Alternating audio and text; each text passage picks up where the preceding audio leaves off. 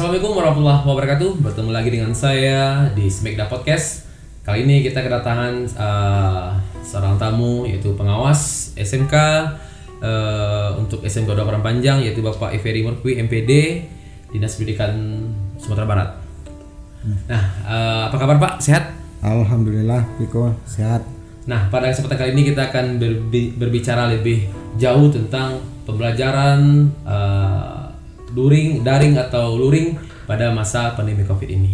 Nah, langsung saja mungkin ya Pak ya.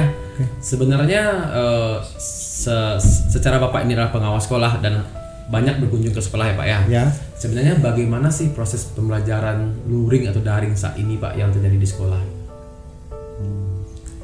baik, eh, Piko, Bapak akan jelaskan sejauh yang Bapak pantau dalam kondisi pandemi COVID yang ada sekarang Ya. di sekolah-sekolah binaan Bapak itu boleh dikata belum optimal sebagaimana yang Seharusnya. di- seharusnya kita harapkan sesuai dengan eh, tuntutan dari eh, Kementerian Pendidikan dan Kebudayaan Uh, eh, Indonesia Republik Indonesia. Iya. Nah, itu tidak seharusnya itu eh, dasarnya apa itu Pak? Apakah eh, penggunaan aplikasi atau sistematika belajar daring itu yang masih amburadul? Mungkin begini, eh, kalau kita melihat hasilnya mungkin terlalu mudah karena memang perubahannya sangat cepat gitu ya. Iya. Kondisi pandemi ini membawa kita kepada perubahan yang terlalu cepat. Mm-mm. Saya contohkan seperti ini. Guru-guru selama ini dalam keadaan normal belum pernah melakukan pembelajaran PJJ. Iya. Siswa pun belum pernah menerima pelajaran pembelajaran dari gurunya Secara PJJ BJJ dan belajar di rumah. di rumah. Itu belum pernah. Iya. Selama ini dia tatap muka di dalam kelas. Mm-mm. Nah, ternyata dalam waktu yang singkat itu berubah drastis Iya. sehingga guru harus mengajar dari rumah atau dari sekolah, Mm. siswa belajar di rumah. Nah, ini semua perlu proses Pembiasaan. pembiasaan yang luar biasa. Karena pembelajaran jarak jauh itu perlu oh, penguasaan teknologi. Iya. Siswa belajar di rumah juga perlu penguasaan teknologi. Nah, kemudian ini tidak akan bisa berjalan dengan baik dengan hasil optimal kalau tidak kita rancang secara baik. Mm-mm. Nah, siapa yang merancang secara baik? Tentu pihak sekolah. Iya. Dirancang secara matang bagaimana sistem yang kita pakai untuk keberhasilan PJJ tadi. Mm-mm. Nah, ada beberapa beberapa langkah yang harus kita laksanakan terlebih dahulu. Iya. Seperti apa itu Pak langkah-langkahnya? Ah, yang pertama adalah perencanaannya. Perencanaan. Ya, perencanaan PJJ di sekolah itu harus dirancang dengan matang. Iya. Di sinilah perannya kepala sekolah. Kepala sekolah itu pertama harus berkoordinasi dulu, koordinasi dengan orang tua, Iya. koordinasi dengan guru, koordinasi dengan siswanya, koordinasi dengan sesama kepala sekolah. Mm-mm. Bagaimana cara yang paling baik paling baik. kita uh, melakukan PJJ ini? Iya. Nah, setelah koordinasi kita lihat pula uh, informasi yang dikeluarkan oleh kementerian. Ah, Nah, itu akan jadi panduan lah gitu panduan ya. bagi kita. Iya. Mungkin ada kementerian misalnya dalam surat edaran nomor 4 tahun 2020 20 itu kan sudah dijelaskan oleh kementerian bahwa tahap bagaimana kita melakukan pembelajaran di masa pandemi itu Iya. dipelajari itu semua.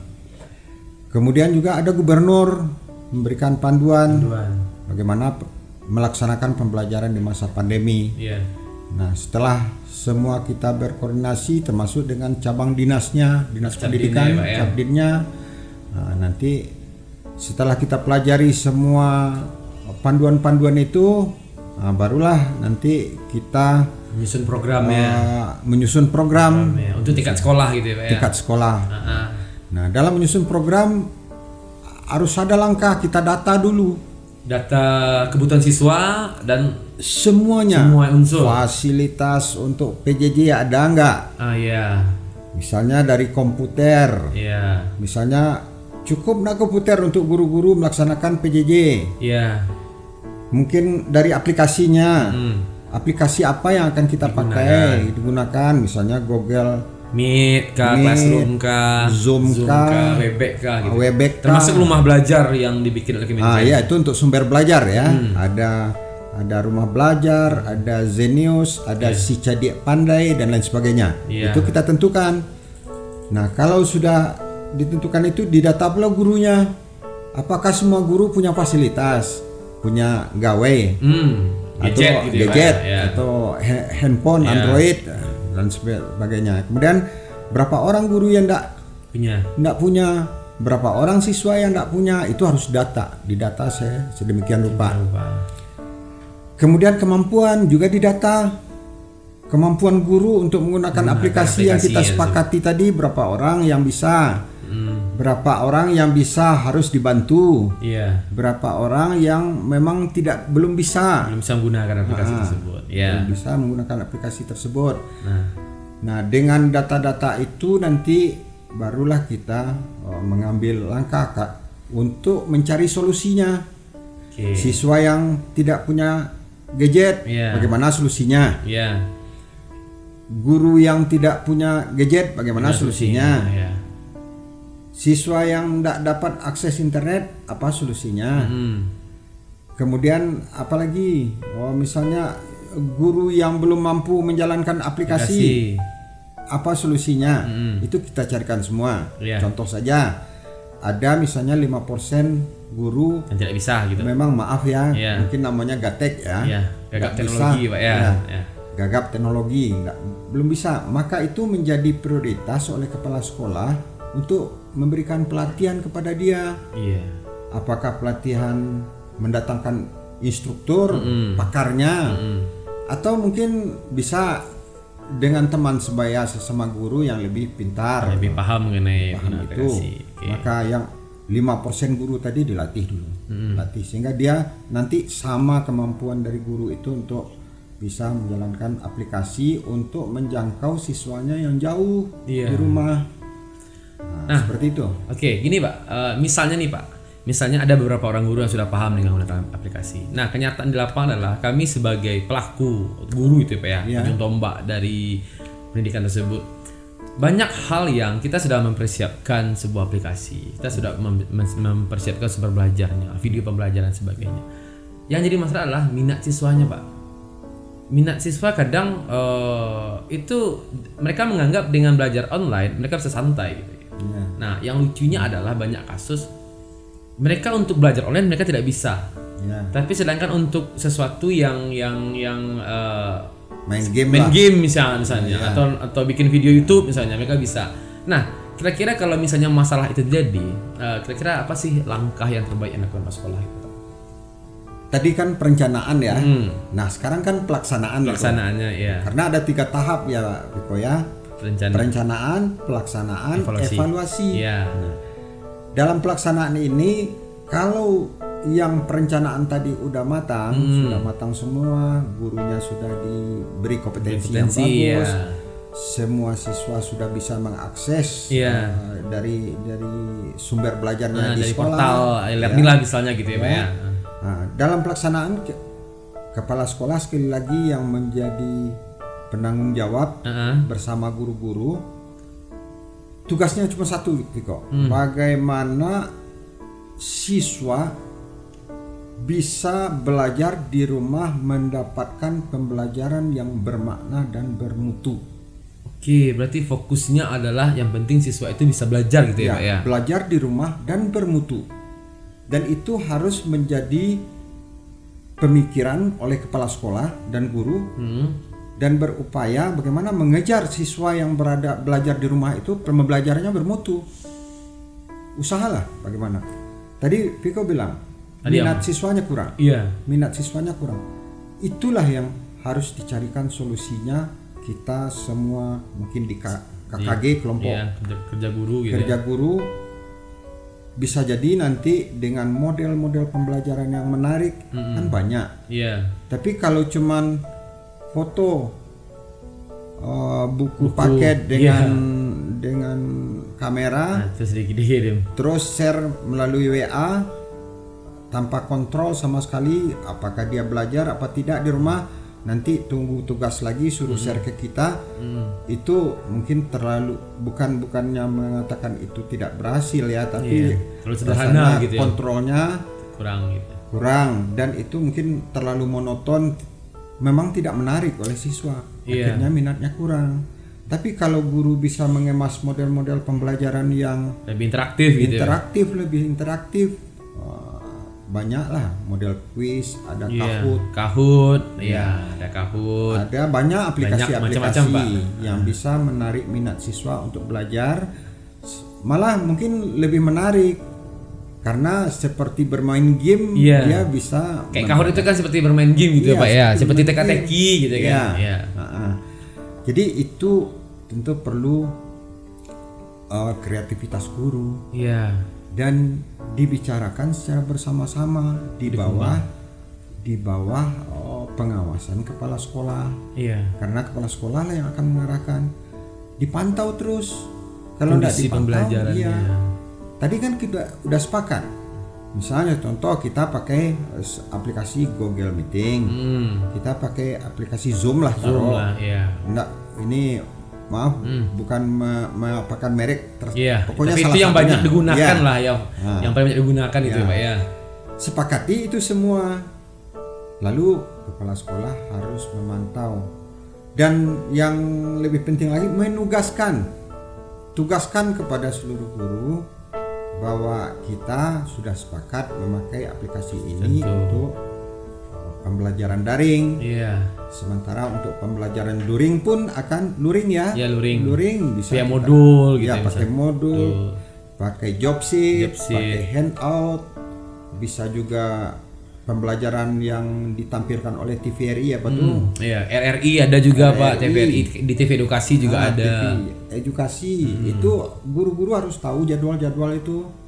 Nah, kalau andaikan luring ya kapan jemput tugasnya ke sekolah itu harus ada jadwalnya. Iya. Kapan dikembalikan Harus ada. jadwalnya. Jadi jelas. Kemudian yang tak kalah penting adalah informasi kepada orang tua. Nah, ini penting nih Pak gitu. Nah, informasi untuk minat tadi. Iya, pengontrolan juga di rumah gitu Iya. Pak. Karena kan kalau di sekolah kita yang kontrol. Iya. Tapi kalau di rumah ya pada akhirnya itu ditugasi kepada orang tua, Iya. diserahkan kepada orang tua untuk mengontrol. Harus selalu pihak sekolah, apakah guru, kepala sekolah ada komunikasi dengan Orang tua. orang tua. Nah, komunikasi itu bisa diciptakan melalui grup-grup WA. Iya. Nah, kemudian apalagi Ya, telepon dan sebagainya. telepon dan lain Iya. sebagainya bahwa yang penting jadwal sudah ada di tangan orang tua. Hmm. Nah, setelah setelah itu baru kita harapkan orang tua bisa mendampingi minimal atau memantau lah Proses mereka belajar. proses Iya, berarti anaknya belajar. Sebenarnya orang tua itu fungsinya sebagai mengontrol, Pak ya. Iya. Karena kecenderungan sekarang di saya lihat di media sosial pun seolah s- orang tua itu merasa mereka itu sebagai pengganti guru, padahal kan tidak. Tidak, Mereka hanya mengontrol anaknya belajar atau enggak gitu Iya. kan. Oke. Nah, sekarang Pak, sekarang pandemi kan pembelajarannya eh, istilahnya di- disederhanakan dengan menggunakan fasilitas IT. Ya, Sementara kalau tetap muka kan eh, kita fokus kepada KD, Iya. ya Pak ya. Nah di belajar online ini Pak, apakah kita akan tetap me- me- apa namanya mengusahakan untuk mencapai seluruh KD yang ada di kurikulum atau bagaimana Pak? Wah ini kan baru-baru ini kan ada SKB 4 Menteri. SKB 4 Menteri ya Pak ya. Ya. Nah, Surat, SKB surat keputusan bersama. Ya, surat keputusan bersama empat menteri, Menteri Pendidikan Kebudayaan, Menteri Menteri, Pendidikan. Agama, Menteri Kesehatan, sama Menteri Dalam Negeri. dalam negeri. Nah, intinya di sana itu adalah eh, bagaimana di dalam pembelajaran itu yang penting anak belajar. Yang penting siswa belajar. Ya, target Kurikulum itu kurikulum bisa disederhanakan. bisa disesuaikan dengan oke berarti guru pun harus menganalisis kurikulum tersebut. Ah ya. Kasarnya itu mengurangi Ya. KD gitu ya Pak ya. Ya, dikurangi KD-nya tapi tanpa mengurangi kompetensi dasar. Iya. Mungkin indikatornya yang di, di- Dikurangi. dikurangi, Iya. tapi kompetensi dasar yang harus dikuasai siswa itu tetap. Iya, atau KD-KD yang mirip lah. Iya. Itu bisa digabungkan. Nah, Sudah itu sudah di- diturunkan juknisnya bagaimana menyederhanakan uh, kurikulum Hmm. di masa pandemi itu. iya. Nah, nanti kan dengan adanya kurikulum yang disederhanakan itu uh, guru akan bisa melaksanakan seefektif mungkin, Mungkin dan tidak memberatkan kepada siswa. Sekarang kan terdengar tuh siswa karena guru kurang panduan dalam kontrol itu, Iya. Dia ngasih tugas banyak. banyak-banyak. Iya. Tugas yang topang tindih antara satu guru dengan guru lain. Malah lebih banyak tugas daring daripada tugas tatap muka loh, Pak gitu. Ah iya itu, Pak. Keluhan itu sebagai pengawas saya dengar. Iya. Nah, dengan kurikulum yang disederhanakan itu kan tujuannya itu bagaimana pembelajaran itu bisa terstruktur dengan baik, Iya. gurunya nyaman menyampaikan pembelajaran apakah dari rumah atau dari sekolah, Iya. siswanya belajar di rumah juga nyaman, tidak gelisah dengan tugas-tugas yang banyak. Nah, itu harus dirancang sedemikian rupa di sekolah bersama kepala sekolah. Sekolah. Sekali lagi saya katakan tadi bahwa kepala sekolah harus yakin bahwa seluruh anak didiknya hari ini waktu ini sedang belajar di sekolah. Harus yakin itu. Kalau tidak satu orang saja tidak belajar di rumah itu berarti kita gagal. Nah, harus harus kita pantau guru BK-nya harus proaktif. Untuk mang itu ya, Pak ya. Iya. Nah, gini Pak, s- di sini mis- misalnya kita anggaplah di SMK 2 ya Pak ya. Sekarang kan eh, patron portal pembelajaran yang dipakai itu kan masih belum belum belum jelas gitu, belum pasti. Sekarang kita masih fleksibel menggunakan WA jadi, Zoom jadi, eh, Google Classroom jadi. Nah, misalnya nih Pak, kita pada akhirnya kita menggunakan sebuah portal yang resmi. Anggaplah eh, rumah belajar dengan kelas mayanya kan bisa, apalagi di sana sudah belajar. Nah, di sana akan ada eh, data absensi dan kehadiran siswa. Nah, apakah saat siswa tidak hadir, berarti kan istilahnya dia tidak mengikuti BBM. Ya. Kita sudah kontrol kepada orang tuanya dan kita mungkin tahu Pak, orang tua mungkin banyak kesibukan. Ya. Banyak kasus yang kita telepon, kita kami telepon, orang tua oh saya lagi kerja, saya lagi di kantor gitu kan, sementara anaknya di rumah. Nah, seberapa bisa kita menerapkan disiplin untuk eh, belajar daring ini Pak? Kalau di tatap muka kan eh, kurang dari 80% siswa tidak hadir atau 80% itu bisa di, di, dibawa ke eh, kelompok eh, kemungkinan tinggal kelas. Nah, di daring ini bagaimana Pak? Mungkin gini, Viko, kalau kita contohkan dalam kondisi normal, memang di saat 80% kehadiran tidak Mencukupi? tidak mencukupi, mungkin dia bisa gagal di dalam uh, tidak tuntas lah, Tidak tuntas lah gitu kan, tuntas ya.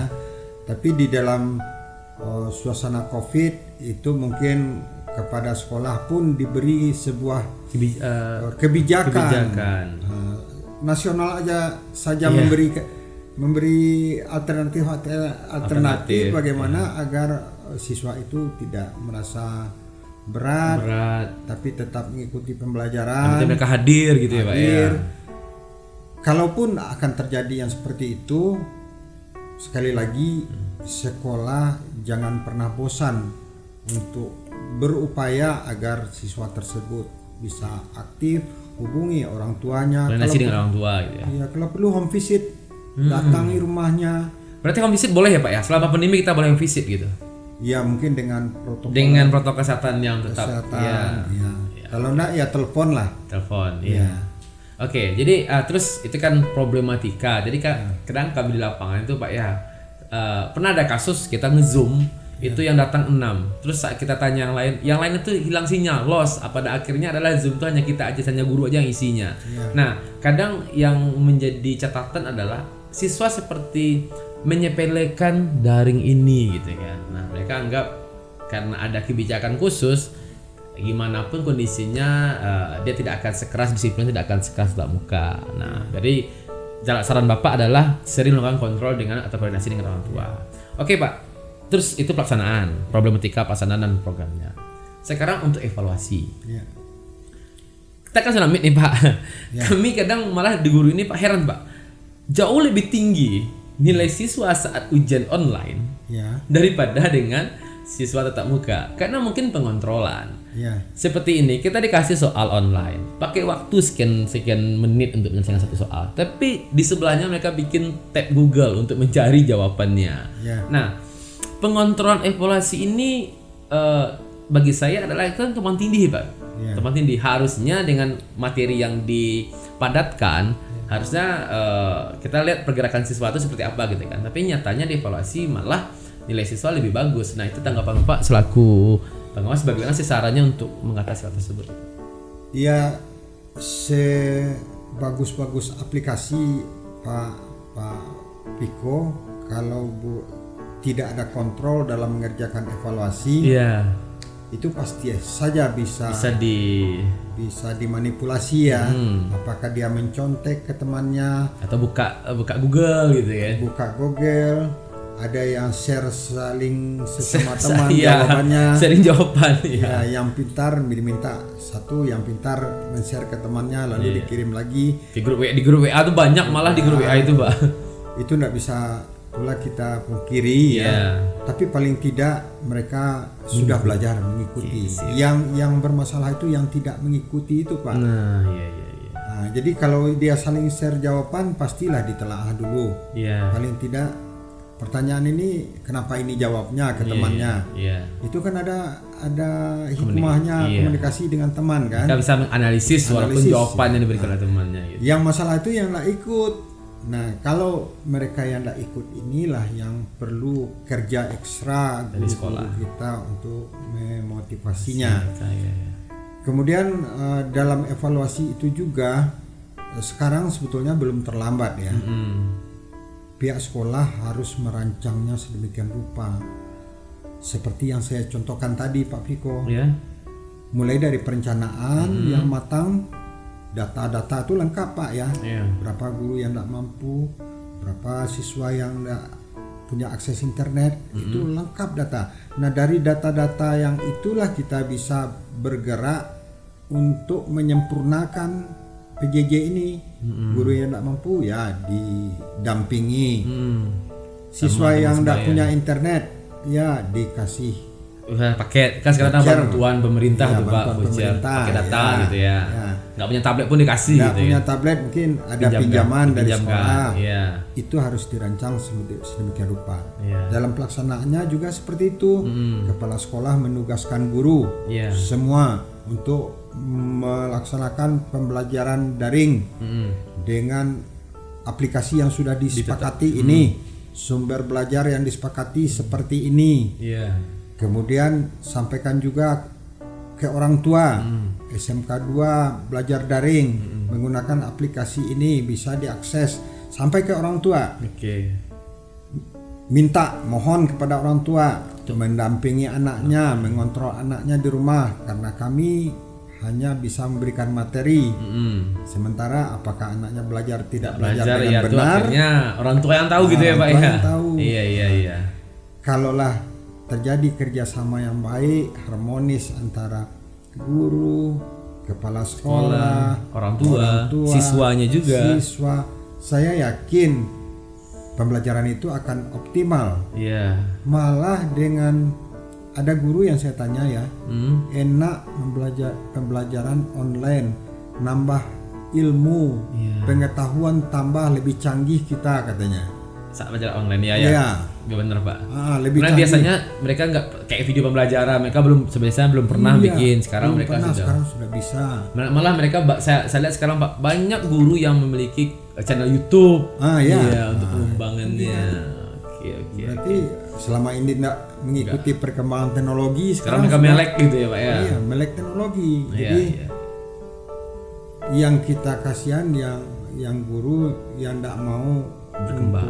untuk, untuk apa? apa Mengeksplor ya, mengeksplor diri di bidang IT ini. ah iya sebetulnya kalau kita mau ya itu kan banyak tutorial yang Iya, ada banyak di YouTube banyak kok Pak. Ah, tutorial mau apa saja Ada. buka YouTube hidupkan langkah demi langkah apa yang diinstruksikan kita kita laksanakan pada akhirnya dengan berulang-ulang itu Kita bisa. kita bisa Iya. yang penting Ya, learning by doing tadi ya Pak ya. kemauan. Belajar melakukan. Oke Pak. Nah gini Pak, mungkin eh, sedikit eh, di bagian terakhir ini Pak ya.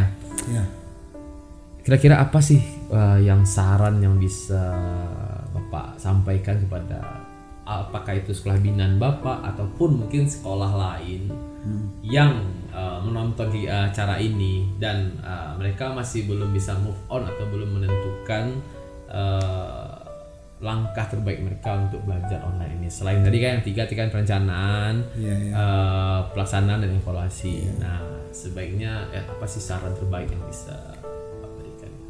saran saya kalau seandainya oh, di sekolah tersebut telah dilaksanakan seperti yang saya bayangkan sebagai pengawas sekolah tadi Iya. Alhamdulillah syukur Hmm. tapi kalau masih ada sekolah yang belum melaksanakan merancang pembelajaran seperti yang yang saya kons- konsep saya tadi belum terlambat Iya. belum terlambat dievaluasi seharusnya kita kan setiap bulan harus evaluasi kegiatan ini Mm-mm.